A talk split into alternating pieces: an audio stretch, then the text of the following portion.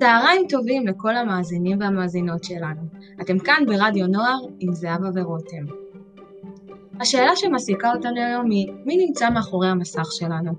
באינטרנט אפשר להכיר הרבה חברים חדשים, כאלה שכיף לשוחח איתם, שיש להם תחומי עניין משותפים איתנו, ואפילו סתם כאלה שמתרשמים מהפוסטים שלנו ברשתות החברתיות, ומגיבים לנו.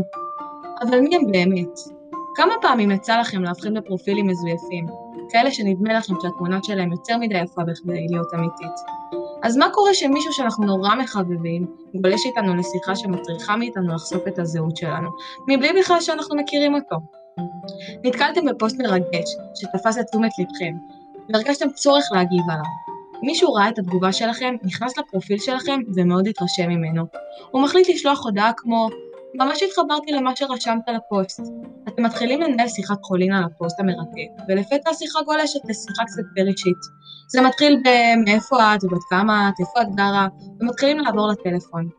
אז איפה באמת הגבול בלהכיר חברים חדשים ברשת? אל תמהרו למסור פרטים אישיים, כמו כתובת מדויקת, מספר טלפון, כתובת בית ספר, או מקום שאתם נוהגים ללכת אליו בקביעות.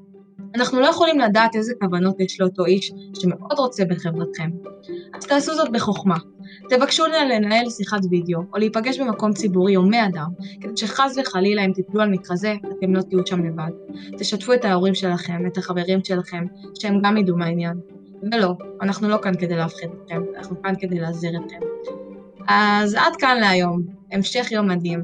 אנחנו היינו רותם וזהבה, רדיו נוער.